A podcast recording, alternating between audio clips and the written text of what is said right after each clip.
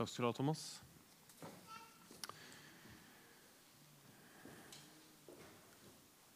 Så bra. Kan ikke du hilse på han som sitter ved siden av deg, og så fortelle hva du spiste til lunsj i går? Mens jeg fikser at det ikke er adventsfarger.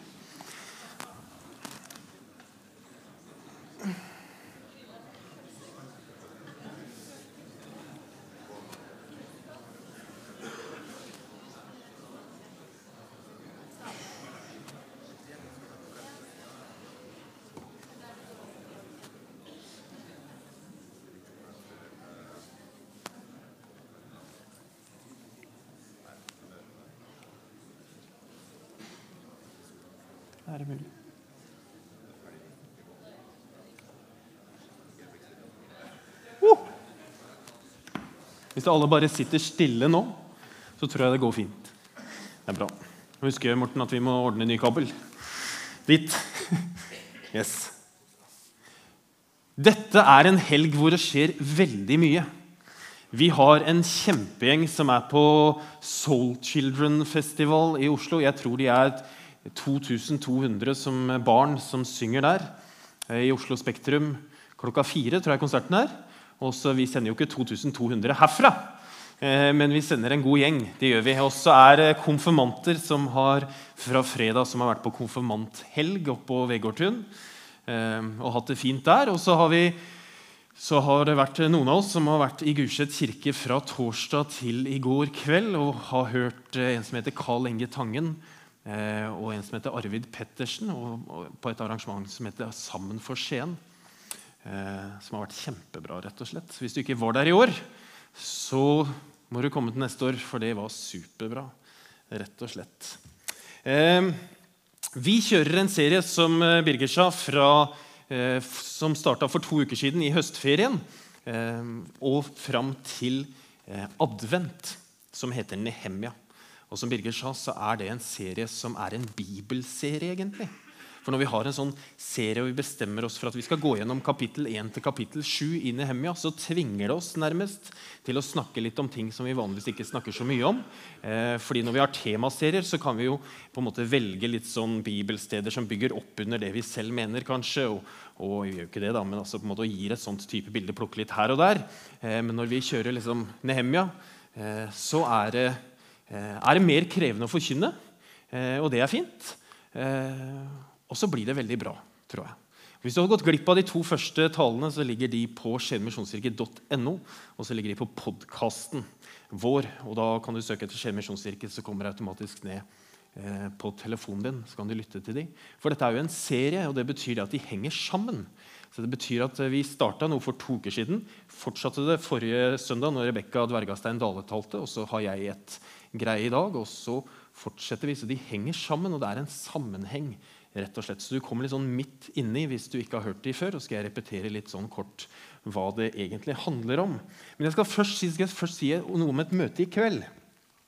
Jeg sa forrige søndag at eh, da leda jeg møtet, og så sa jeg at hvis du må velge om du skal gå på gudstjenesten liksom, om en uke, da, altså nå, eller om du skal gå på dette kveldsmøtet, så syns jeg faktisk du skal gå på det kveldsmøtet som er i kveld klokka seks. For da kommer det en som heter Øyvind Aschem, som har jobba i Alternativ til vold, og som er grunnlegger av noe som heter Redde små, og kjører en sånn utstilling som heter 'Hvis klær kunne fortelle' rundt om i Norge. Den utstillingen kommer ikke hit, men Øyvind kommer hit og skal snakke om å se barn. Vi har mellom 60 og 80 barn på BIM hver eneste søndag. Og så er det mange andre barn i løpet av uka. Og det er et kjempeansvar for oss. Og det er viktig at vi som menighet er litt sånn plogspiss i forhold til å løfte barna fram og se hvert enkelt barn som kommer. Og Hvis du syns at Øyvind liksom ikke er så spennende, så noe han jo er, men hvis du ikke syns det, liksom, så har vi plussa på en sånn liten minikonsert med Arne Olav, Lunde Hageberg, og så blir liksom alt supert. Så det blir en kjempekveld klokka seks i kveld. Så kom på det. Det var reklamen. I dag så skal jeg snakke om noe som det er en fare for at du tenker ikke gjelder deg. Og det er jo litt dårlig utgangspunkt, egentlig. Eh, For jeg skal snakke om det å være en leder og lederskap. Og så sier du men Martin, jeg er jo ikke noen leder. Og så sier jeg jo, det er du. Nei, det er jeg ikke. Jeg er ikke noen leder. Jo, det er du. Ja, men jeg har ikke ansvar for en bedrift, eller jeg er jo ikke leder her i menigheten. Så sier jeg jo, det er du. Hvis du er pappa, så er du leder for barna dine. Hvis du er mamma, så er du det samme. Hvis dere i tillegg er gift, så er dere leder for hverandre. Hvis du er bestefar, så er du leder for noen. Hvis du, du kan være, hvis du sier at 'jeg har jo verken barn eller kjæreste eller ektefelle', hvem skal jeg være leder for? Ja, kanskje du er en uformell leder i vennegjengen din. Kanskje er du leder på fotballbanen. Og ikke minst så er du leder for én person som du alltid kommer til å være leder for, og som er det vanskeligste å være leder for. Og du blir aldri kvitt den uansett, fordi du er leder for deg selv. Og det å lede seg selv, det er det mest krevende. Det er jo kjempelett for meg å lede andre. Men å lede seg selv, det er krevende. Det er noen som snakker om at vi, kan, at vi leder liksom i 360 grader. Det betyr at de aller fleste av oss ønsker å påvirke noen som på et eller annet nivå er over oss. At vi på en måte leder oppover. Eh, og prøver å søke innflytelse og få liksom vår stemme hørt oppover. Og så leder vi horisontalt. betyr at vi prøver å påvirke noen som er liksom på samme linje som oss. Ektefellen eller hvem nå enn det er. Og så Den vanligste måten å tenke ledelse på er jo at vi leder nedover. Sant? De som er under oss, og de som vi bestemmer over, kanskje. Barna og sånne ting. Eh, og så leder vi innover i oss selv. Så det er 360 graders ledelse. Men ledelse er noe som angår oss alle. Så du må ikke liksom skru av kverna og tenke dette gjelder ikke meg, dette gjelder deg. Rett og slett. Og hvorfor skal vi snakke om dette? Det er jo både fordi Nehemia tvinger oss til det, på en måte, for at vi kommer, vi, det handler mye om ledelse, det jeg skal snakke om i dag. Men det andre er jo det at vi som trossamfunn, Misjonsforbundet og Skien misjonskirke, vi er et trossamfunn som er i sterk vekst. Og Det betyr at når det er vekst, når det kommer nye folk, nye mennesker, masse barn og unge eh, osv., og, og det er menighetsplantinger og det er liksom mye som skjer, også her hos oss, så gjør det at vi får et enormt behov for nye ledere. Unge ledere og gamle ledere, men nye ledere eh, som løftes opp, som trenes, som utfordres til å ta ansvar så er jo også ledelse en av nådegavene i, eh, som Paulus beskriver i 1. Korinterbrev. For der står det i kirken har Gud for det første satt noen til apostler, for det andre profeter, for det tredje lærere, deretter mektige gjerninger, eh, deretter nådegaver til å helbrede, til å hjelpe, til å lede. Og så sier jeg at vi alle er ledere, og det er sant, tenker jeg. Men samtidig så er det å lede er også en nådegave, altså noe som Gud gir som en gave til noen av oss.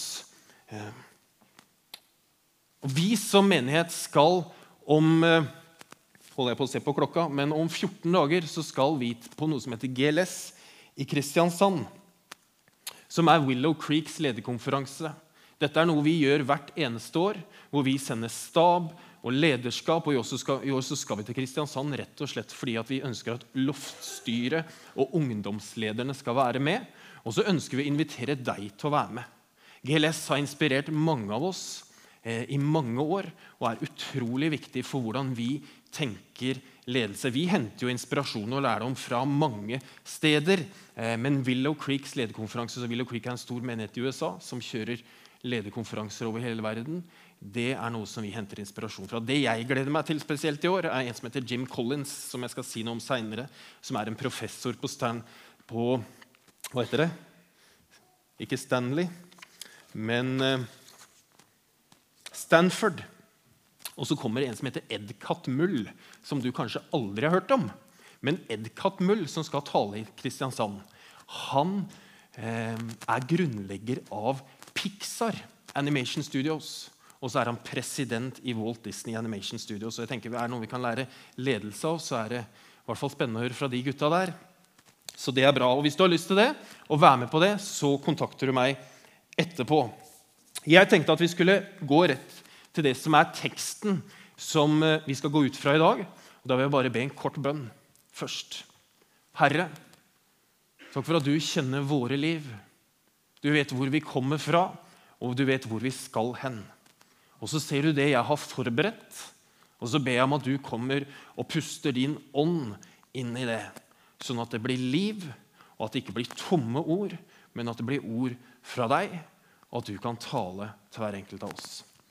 Amen. Nehemia 2, kapittel 2, vers 11-20. Først så leser vi hele teksten sammen.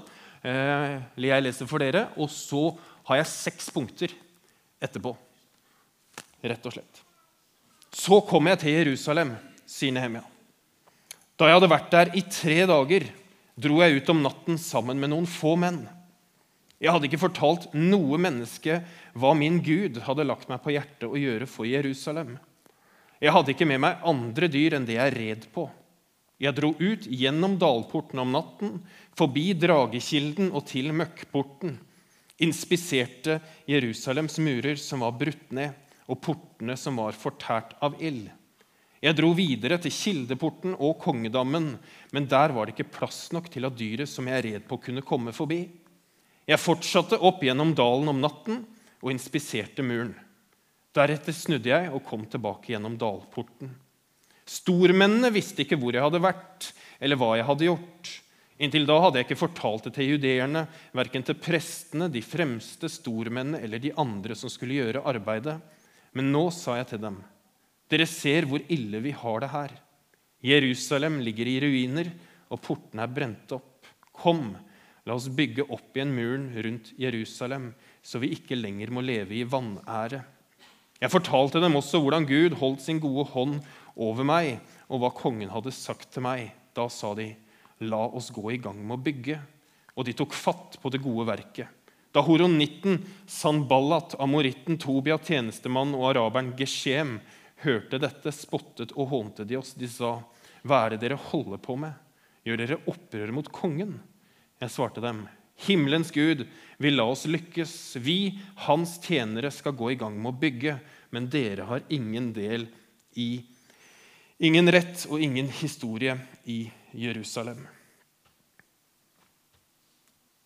Før dette så har jo de to forrige søndagene handla om at eh, at Nehemia eh, har vært i et land som heter Persia, hvor broren hans og noen andre folk har kommet og sagt til han at vet du hva, eh, nå ligger Jerusalem i ruiner. De har brent opp, og folket er på flukt. Og så blir eh, Nehemia helt knust av det. Eh, og så gråter han i flere dager, og så går han til kongen. fordi Nehemia jobber for kongen er såkalt munnskjenk. Det betyr at han måtte smake på alt kongen skulle spise, før kongen spiste det. sånn at Hvis det var noen som forgifta maten til kongen, så var det Nehemia som døde, og ikke kongen. Fin jobb. Eh, og så tenker jeg så må det ha vært ganske sånn hurtigvirkende gift. da, i så fall. Eh, hvis det ikke var lang tid imellom. Men det er veldig parentes. Eh, men så, så, går han da til kongen og så forteller han det han, eh, det, han har, det han, er blitt fortalt. Og så sier han faktisk til kongen jeg trenger masse av deg. Jeg trenger, og Du må velsigne meg på denne. og kongen sier skal jeg gjøre, og Så får, får Nehemia med seg liksom masse materiale fra en konge i Persia som er liksom helt fjern fra, fra, Jerusalem. Og så ender det opp med at Nehemia sammen med noen menn og sikkert et esel og masse materialer, så reiser de til Jerusalem. Og så er det en veldig, veldig lang reise. Eh, og så var det ikke verken bil eller fly, så de gikk jo på beina og red på esler. Det var en veldig lang reise. Og så står det det at Nehemia er der i tre dager når han har kommet til Jerusalem, før han gjør noe. Og så tenker jeg, Hva i all verden er det du driver med de tre dagene? Altså, jeg tenker, når, vi, når jeg reiser på tur da, og liksom skal møte noen Det første jeg gjør når jeg kommer fram, er liksom å samle gutta. Og så legger vi kanskje en plan for det vi skal gjøre, og lager en strategi. nå skal vi gjøre sånn Og sånn, og starte liksom med en gang. Men Nehemia han er i ro i tre dager. Og det er første punkt. Fordi Nehemia er en klok leder. Og han vet at etter en lang reise, når man er sliten og trøtt, så trenger man som leder å fylle energitanken. Jeg vet ikke hvordan du er når du er sliten. Om du da tar kloke avgjørelser. Eh, eller hvordan du er når du er på topp. Smarte ledere vet at når man skal ta viktige avgjørelser, så må energitanken være full. For det er jo da man tar de gode avgjørelsene. Det er jo da man har fått nok søvn og nok mat og nok kjærlighet i hjemmet og liksom, når man har det bra. Alle vet jo det at en leder som er på tom tank, er en farlig leder. Som er kanskje kortlunte, sint og tar dårlige, dårlige avgjørelser. Og så tenker jeg, hvor er du hen i dag? Har du full tank på energinivået ditt? Er du sånn passe i midten? Eller er du litt på lav tank? Kan du ikke fortelle den du sitter ved siden av det? Hvor er du hen? Gjør det.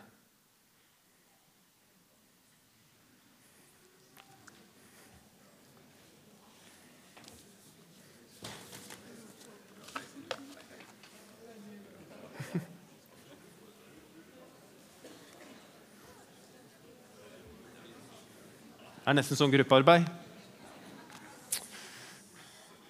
Hvis du sitter ved siden av en som sier at jeg har veldig lav tank, så får du sitte rolig hele gudstjenesten så du ikke gjør noe dumt.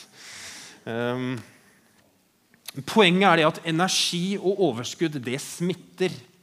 Så hvis du har høy energi som leder, så smitter det over på de andre. Hvis du har lav energi, er overarbeida, er trøtt, er sliten, har mye greier, så smitter det over på de rundt deg. Og så tenker jeg, hvem har ansvar for at du er full av energi?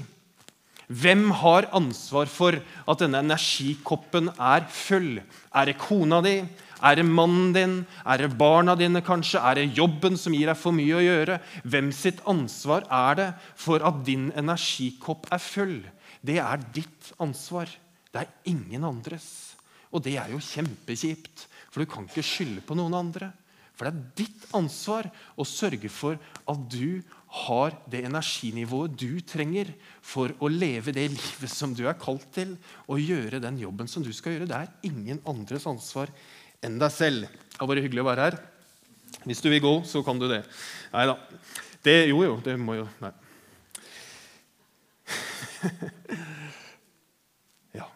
Det neste Nehemia gjør, hva er han gjør hvis, man, hvis dere fulgte med når jeg leste? Jo, det er at han definerer virkeligheten. For Nehemia har jo blitt fortalt at Jerusalems, eh, Jerusalems murer ligger i ruiner. Og han er blitt fortalt at liksom, murene det er fortært, det er dårlig stand. Det er han blitt fortalt til og med av broren sin. Men så er ikke det godt nok for Nehemia. Han trenger å undersøke dette selv. Så han, Det er jo starten på det vi leste. så Han kjører jo ikke rundt på eselet sitt, men han reiser rundt på eselet sitt og inspiserer murene og ser det selv, hvordan murene er. For Han setter ikke sin lyt til de ryktene han hører. Og så tenker jeg, Hvor ofte hører du på dårlige rykter? Hvem lytter du til når du hører noe? Hvor mye undersøker du selv om hva det er hold i? Nehemia han undersøkte det selv, og så lager han på en måte en tilstandsrapport. Eh, og sier vet du hva, det er hold i det broren min sa. Jerusalems murer de ligger nede, og det er elendig. Vi trenger å gjøre noe med dette. Og så er det utrolig viktig for en leder å lage en sånn tilstandsrapport. Hvorfor det? Jo, fordi når, hadde jo hørt ryktene, men han visste jo ikke hvor mye jobb det var. Han visste jo ikke om han trengte å hente inn menn fra utlandet eller fra et annet sted for å være med å bygge, eller om det var på en måte noe småtteri som ble gjort på en times tid eller en dag eller en uke. liksom. Han måtte jo se det for å se hvor mye eh, energi det krevdes for å mobilisere. Og Det neste han gjør, er at han beskriver det til teamet sitt. Dere ser hvor ille vi har det her, sier han. Jerusalem ligger i ruiner, og portene er brent opp. Hvorfor gjør han det? Jo, fordi når du forteller hva virkeligheten er, så bygger du tillit. Når du sier hva som er sant, så er det jo ikke noen hemmeligheter. Og når folk vet det, så bygger du tillit. Økonomien er dårlig. Da kan vi ikke reise på ferie. Vi kan ikke kjøpe de skoa nå. Vi mangler ansatte. Så derfor kan vi ikke starte med det. Forrige søndag hadde vi en menighetsmøte her. Og På hvert eneste menighetsmøte så gjør vår styreleder Helge Galdahl det han skal gjøre. og Det er å informere om status i forhold til menighetens økonomi. Og Det var en slide her på powerpointen som viste det. Som sa det at vi ligger i år så ligger vi sånn ca. 120 000 kroner i inntekter liksom fram til august foran fjoråret. Det er bra. 120 000 foran cirka, det er veldig bra. Og så ligger vi ca. 150 000 bak det vi har budsjett, budsjettert på. Det er ikke så bra. Men det er virkeligheten. Og det er viktig for oss som menighet å være, å være gjennomsiktig på økonomi. Så er det noen som har hørt at vår kjære barne- og familiepastor Linda Andernak Johannessen har funnet seg en annen jobb. Og det er jo noen av oss som har prøvd liksom å, å påvirke sånn at det ikke skjer. Men det er statusen. Så fra februar så jobber ikke Linda her lenger. Sånn er det. Det er statusen for Skien misjonskirke akkurat nå. Og det er viktig at vi er åpne om det. Det er mange eksempler på hva det vil si å kunne eh, beskrive en virkelighet til teamet sitt. Punkt fire er at Nehemia gir visjonen videre. Først så sier han Jerusalems murer ligger i ruiner. Og så sier han, 'Kom, la oss bygge opp igjen muren rundt Jerusalem, så vi ikke lenger må leve i vanære.' Visste du at Gud ikke gjør deg til leder for at du skal drive vedlikehold? Gud gjør deg ikke til leder for at det skal gå på autopilot. At det skal fortsette sånn som det alltid har vært. Det å være en leder handler om å bevege noe, om å flytte noe, om å påvirke noe fra et sted til et annet. Bill Hybel, som er pastor i Willow Creek i USA, i Chicago, han sier at det handler om å flytte folk fra A til B.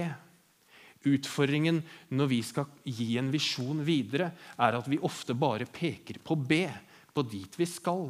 Og så, sitter, og så sier vi liksom det er jo helt supert på B. Det blir jo liksom wow! Det blir jo kanonbra! Når vi kommer dit, så sitter liksom 70-80 igjen på A og lurer på hvorfor i all verden kan vi ikke være her. da? Det jo så fint her. Her er jo masse folk, og det er kirkekaffe, og det er liksom lefser, og det er helt topp. Hvorfor kan vi ikke være på A? Hvorfor i all verden må vi dit? Og så er det utrolig viktig at når vi skal kaste en visjon eller si liksom hvor vi vil, så må vi jo gi i hvert fall fem-seks grunner til hvorfor vi ikke kan være her. For skjønner Vi kan ikke være her, for da blir det sånn og sånn og sånn. Og sånn og sånn. Og så til slutt så skjønner vi ja, du må hit. Og det, det, vi, hvor skal vi gå hen? Liksom? Jo, vi går, skal vi kanskje gå hit? Det er bra. Og så sier alle yes! Vi går dit. Vi går til B. Og det er Nehemia gjør, for han beskriver virkelig Se på dette elendig! Og så er det nesten så jeg kan se det liksom, tenker, Hva skal vi gjøre? Liksom? Hva gjør vi nå? Har liksom noen tanke hva vi skal gjøre? Så sier han vi skal bygge det opp igjen. Vi skal starte på nytt, og så skal vi bygge det opp igjen, og alle skal være med. Og så motiverer han. For det holder ikke bare å si liksom 'vi skal dit', men du må motivere. Og Så beskriver Nehemia hva han har gjort. Han sier at han gikk til kongen. Og, så, og når, de, når, når, de, hører det, så hører de også at han har gjort noe som han egentlig burde bli kasta i fengsel for. Det han sa til kongen, for det var så respektløst. Men så sier Nehemia men Gud var med. Gud sørga for det. Gud har gjort sånn at vi har masse materiale fra kongen. Og så blir de supermotivert, for de skjønner at Gud er med. Jeg tror de fleste av oss som leder folk, undermotiverer folk. Fordi vi gir oppgaver, vi gir retningslinjer, vi gir liksom budsjett, og vi gir, eh, sier hva, vi ønsker. Og så ser vi ikke betydningen av det å motivere folk til å være med.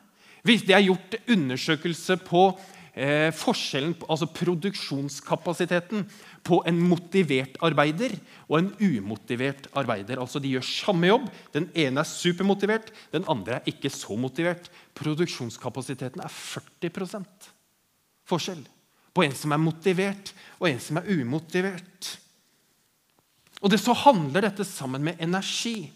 For hvis du kan inspirere folk, så inspirerer du andre mennesker, som igjen inspirerer mennesker. Så hvis du kan inspirere, og motivere, så gjør det. Det siste Nehemia forstår, er egentlig serien vi er inne i. Fordi Nehemia forstår kraften som ligger i det å være et lag og stå side ved side. I Nehemia 3,1 så står det Øverstepresten Eliashib og brødrene hans, prestene, gikk i gang med å bygge saueporten. Alle var med. Jim Collins som jeg nevnte i sted, han kaller dette for flyhjulets effekt.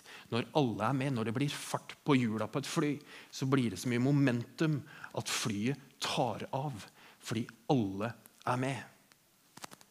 Jeg må si noen ting om øverstepresten, for det, er det som fascinerer meg.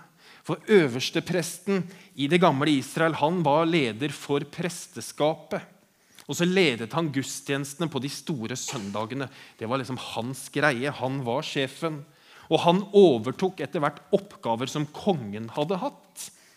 Og I likhet med kongen så skulle øverstepresten han skulle salves, og så skulle han bære en kostbar drakt. Og Vi som ser liksom bilder og malerier fra gamle dager, vi ser jo øverstepresten med disse flotte, flotte draktene. Og så står det det at øverstepresten Eliashib og brødrene hans gikk i gang med å bygge saueporten. Kan du se det for deg?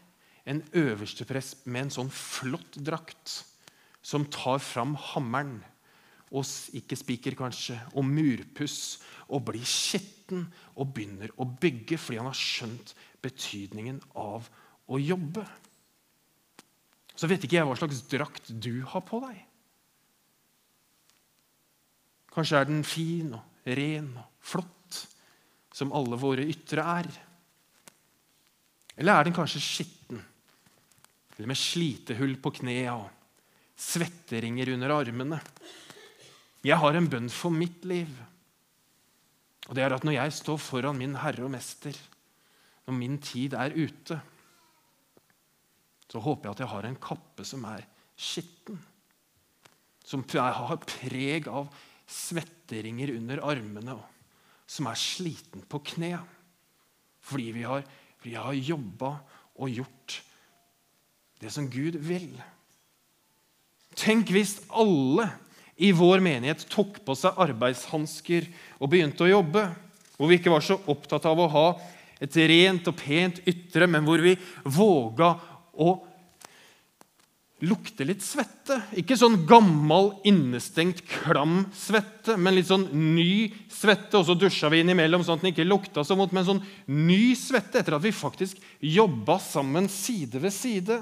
Og hvor hver og en av oss ydmyka oss for Gud og sa, 'Herre, jeg vil tjene deg. Jeg vil forvalte de gavene du har gitt meg, på en god måte.' Og Jeg vil ikke komme til siste dag og si vet du hva, de gavene og talentene du ga meg, de gravde jeg ned. Jeg ville ikke bruke de. Jeg brukte tid på noe annet. Men jeg håper og ber om at vi som menighet skal bruke de gavene vi har fått. Og så lurer jeg på om kanskje jeg skal ta min del av ansvaret for at vi som menighet på flere områder er komfortable med at ikke alle er med. At ikke alle bidrar, og at det er greit. For det er vel for mye forlangt å forvente at alle er med. At vi som lederskap aksepterer at det som er godt nok, kanskje ikke er godt nok fordi alle er ikke med. Og kanskje har vi satt standarden for hva som er godt nok, for lav. Det bor ca. 55 000 mennesker i Skien, gjør ikke det? Sånn rundt regna, i hvert fall det jeg alltid sier til andre når noen spør meg hvor mange mennesker bor i Skien. sier jeg 55 000.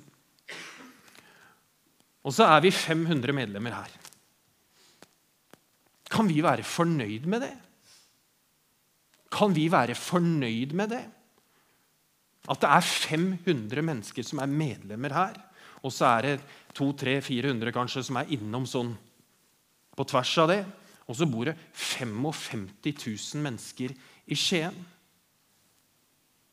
Vet du hva som betyr mest for Gud? Av alle ting på denne jord. Hva er det som betyr mest for Gud? det er jo mennesker. Og det bor 55 000 mennesker i denne byen.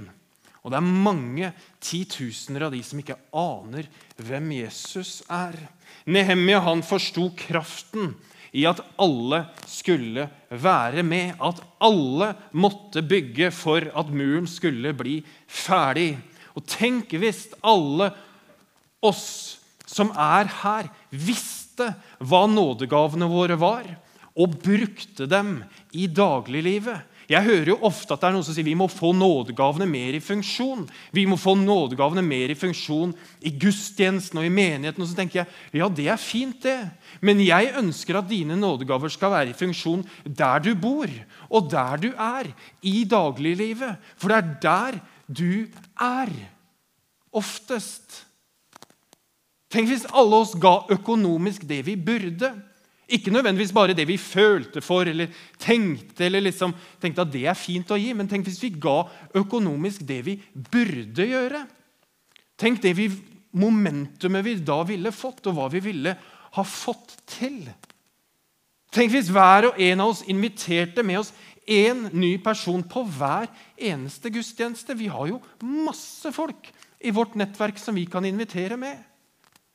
Og tenk hvis vi brukte disse sosiale mediene som jeg føler at jeg bare drukner i, som er Facebook og Instagram, sånn spesielt for min del. Jeg føler liksom bare, det, er, det, blir, det, blir, for mye, liksom. Tenk hvis vi brukte det ikke til å legge ut statusoppdateringer om liksom, den gode vinen vi drikker på fredag kveld, eller den gode maten vi spiste på lørdag, eller de fine kakene vi baker. Men tenk hvis vi brukte de strategisk til å fortelle om de gode nyhetene som skjer i menigheten. Tenk hvis, vi, hvis det var det som var vårt fokus i sosiale medier.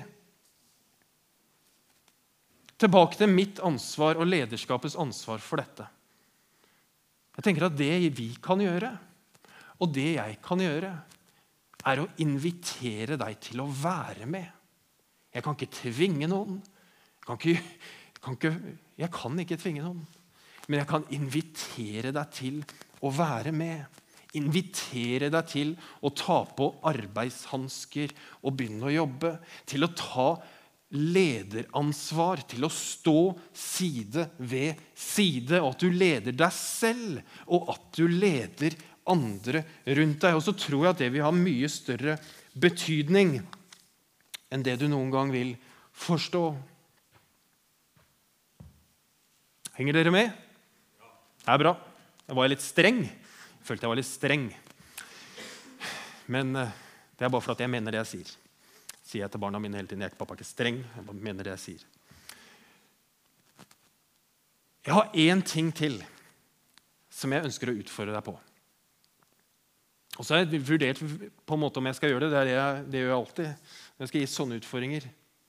For nå har jeg lyst til å gi en utfordring til deg som faktisk er leder på arbeidsplassen din eller altså på jobben din, og som, er, som vet at du har ledelse som en nådegave, og som bruker den hver dag på jobben din.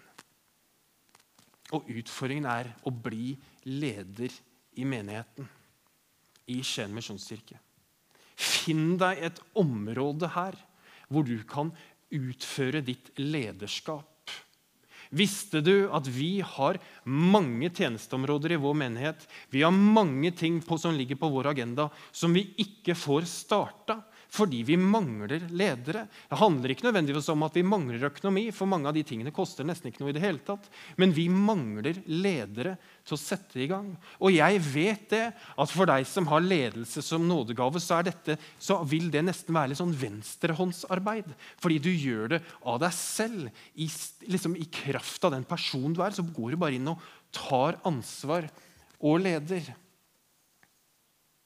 Jeg skulle ønske at mange, mange flere av dere som er ledere på arbeidsplassen, også ble helhjerta ledere i menigheten. Så kan du lede Istedenfor å lede 100% bare på, på, arbeidsplassen så kan du lede 90 der. Og så leder du 10 her. Og så vil det ha et vanvittig momentum for oss. Hvis du kjenner at det kanskje er deg som har lyst til det, så kommer du foran hit når talen er ferdig, og gudstjenesten er ferdig, kommer du fram til meg, og så skriver jeg ned navn og nummer og mail, og så skal jeg kontakte deg. Så enkelt som det. Men det krever at du kommer fram, rett og slett. Jeg skal ikke ha noen stor forbønns og håndspåleggelse og alt sånt. Vi skal ikke det. Jeg skal bare få navn og nummer og, og mail. Rett og slett. Yes. Det var en litt annerledes tale for min del. Så da tenker jeg vi skal be. Og så kan dere godt komme opp eh, og starte å spille.